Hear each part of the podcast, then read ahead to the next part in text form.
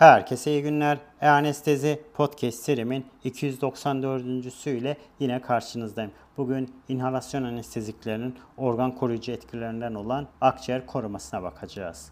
Hazırsanız haydi başlayalım.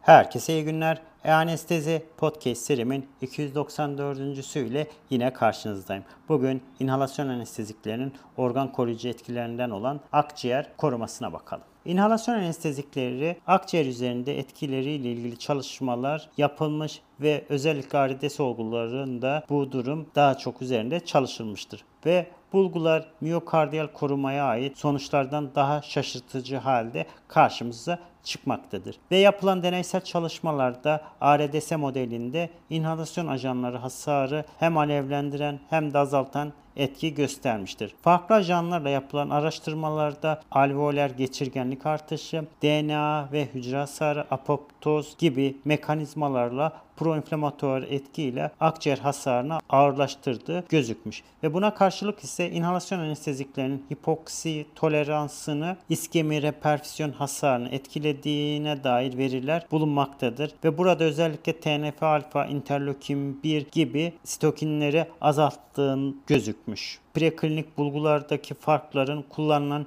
hücre tipleri ve oluşturan hasardaki çeşitlikten kaynaklandığı düşünülüyor. Tek akciğer ventilasyonun bir inflamatuar yanıta neden olduğu kabul edildiğinde ise klinik çalışmalar torasik anestezide yapılmış ve bu ilk kez 2000'li yıllarda tek akciğer ventilasyonunda desfluranın propofole göre stokinlerde adezyon moleküllerinde anlamlı bir azalma sağladığı gösterilmiş ve sevofluran ile propofolü karşılaştıran bir başka çalışmada ise propofol grubunda tek akciğer ventilasyon süresi ile sitokin düzeyleri yani TNF alfa, interleukin 6 ve interleukin 8 ve CRP artışı paralel seyrederken sevofloran grubunda sitokinler daha düşük düzeylerde bulunmuş ve tek akciğer ventilasyonun neden olduğu inflamatuar yanıtın baskılandığı gözükmüştür. Ve bu bulgular ışığında sevofloran grubunda daha az pulmoner komplikasyon gözükmüştür. Akciğer rezeksiyonlarında izofloran, sevofloran, desfloran ve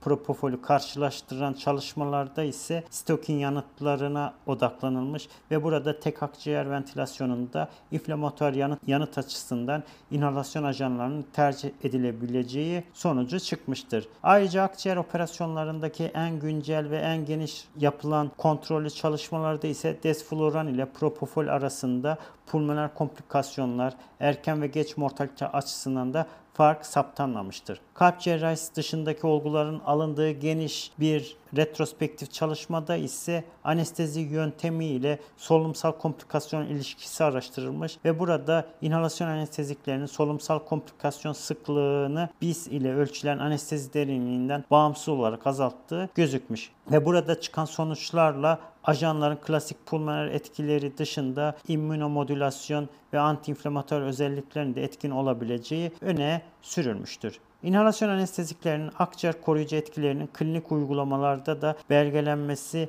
geniş kapsamlı, iyi planlanmış çalışmalarla gösterilebilmektedir. Fayda görecek hasta grubunda ajanın seçimi, dozaj ve zamanlaması gibi konuların bilinmesiyle daha fazla bilgiye gereksinim duymaktadır. Burada unutulmaması gereken bir durum ise inhalasyon ajanlarının yaygın kullanılmasına rağmen henüz bilemediğimiz etkilerinde olabileceğini düşünmek gerekiyor.